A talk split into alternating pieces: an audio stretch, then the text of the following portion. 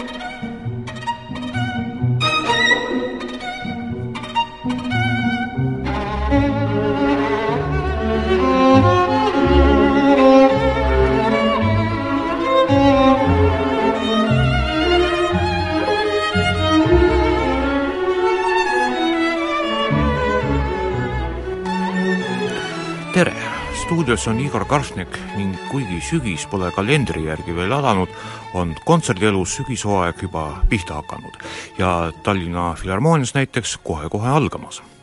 tänase saate esimeses pooles teemegi juttu Tallinna Kammerorkestri eelseisvast hooaja avakontserdist ning saate teises pooles räägime põgusalt ühest keskaja teemalisest muusikalisest müsteeriumist mida Mustpeade majas varsti näha ja kuulda saab. kuid esmalt siis Tallinna Filharmoonia hooaja avakontserdist, mis toimub samuti Mustpeade majas. nimelt astub Tallinna Kammerorkester oma peadirigendi Risto Joosti juhatusel publiku ette juba sel laupäeval, seega siis üheksateistkümnendal septembril muusikaõhtuga, mille pealkirjaks on Ameerika serenaad kõnealuse avakontserdi solistina esineb Mustpeade majas rahvusvaheliselt tuntud viiulivirtuaas Ilja Gringolts, kes mängib muuseas Guarneri del Gesu kuulsal meistripildil.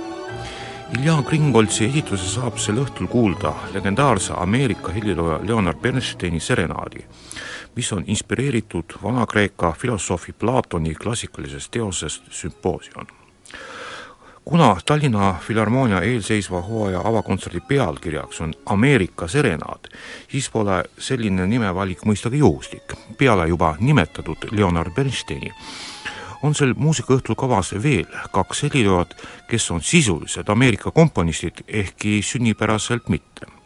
üks neist on Erich Wolfgang Korngold, kes sündis omal ajal küll Viinis, kuid kes emigreerus enne teist maailmasõda USA-sse igatahes Korngoldi loomikust saab kõnealusel avakontserdil kuulda sümfoonilist serenaadi, nii et veel üks serenaad. meie publik Erich Korngoldi muusikat tõenäoliselt kuigi hästi ei tunne, kuna tema teoseid kuuleb Euroopa kontserdilavadel üldse suhteliselt harva.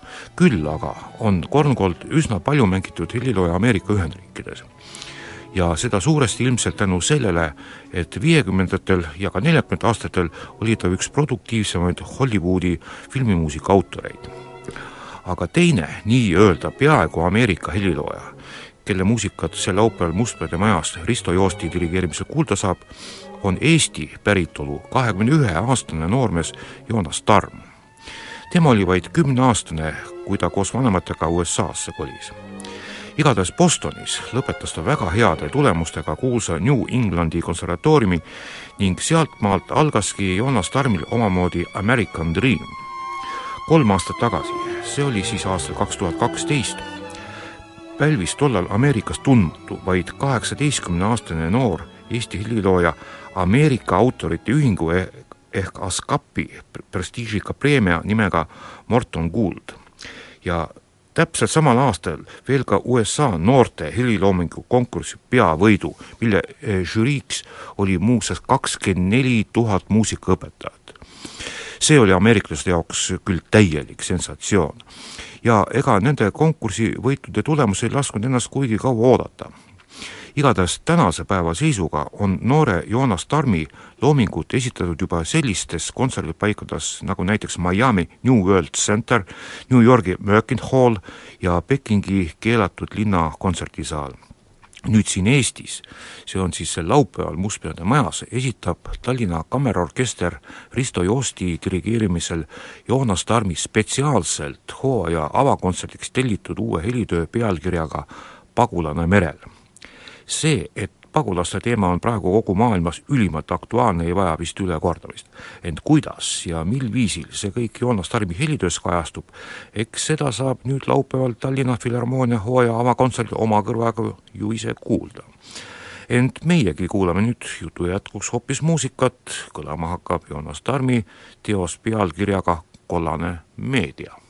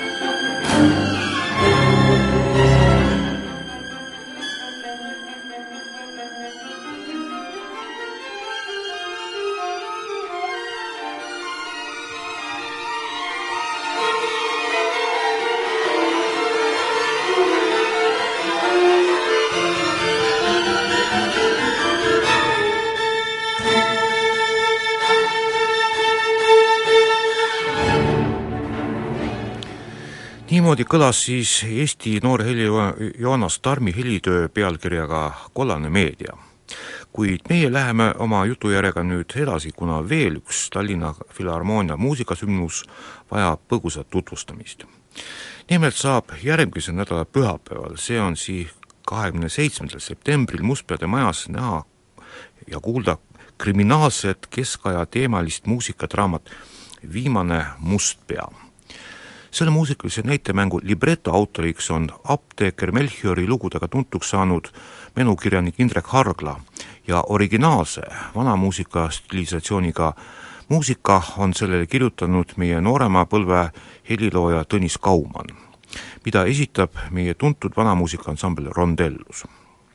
Aga viimase Mustpea lavastajaid on koguni kaks, need on Tanel Saar kes muuseas ka ise mängib, ja Aare Toika, kelle juhtida on olnud VAT-teatri noorte näitlejate trupp.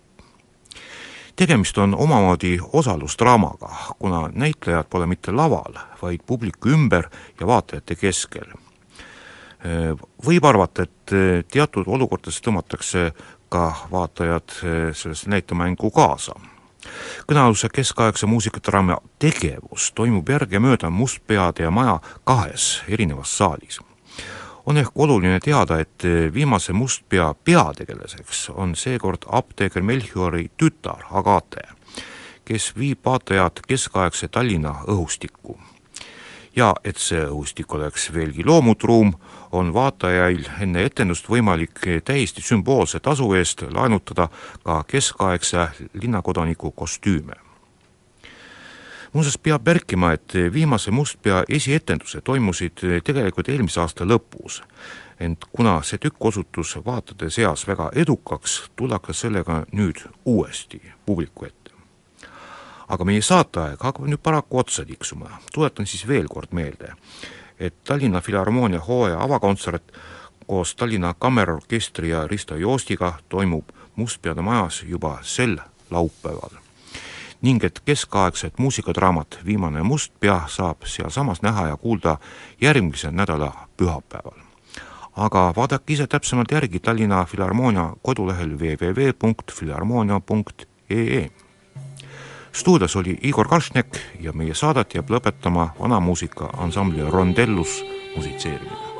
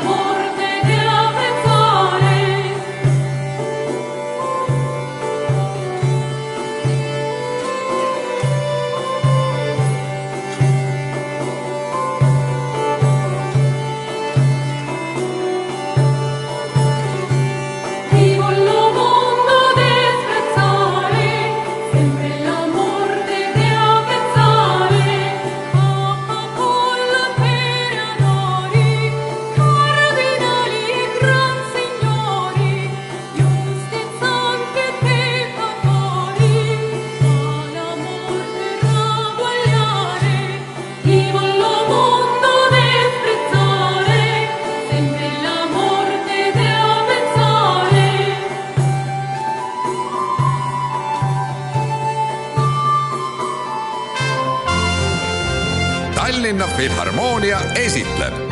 Filharmooniline huvitaja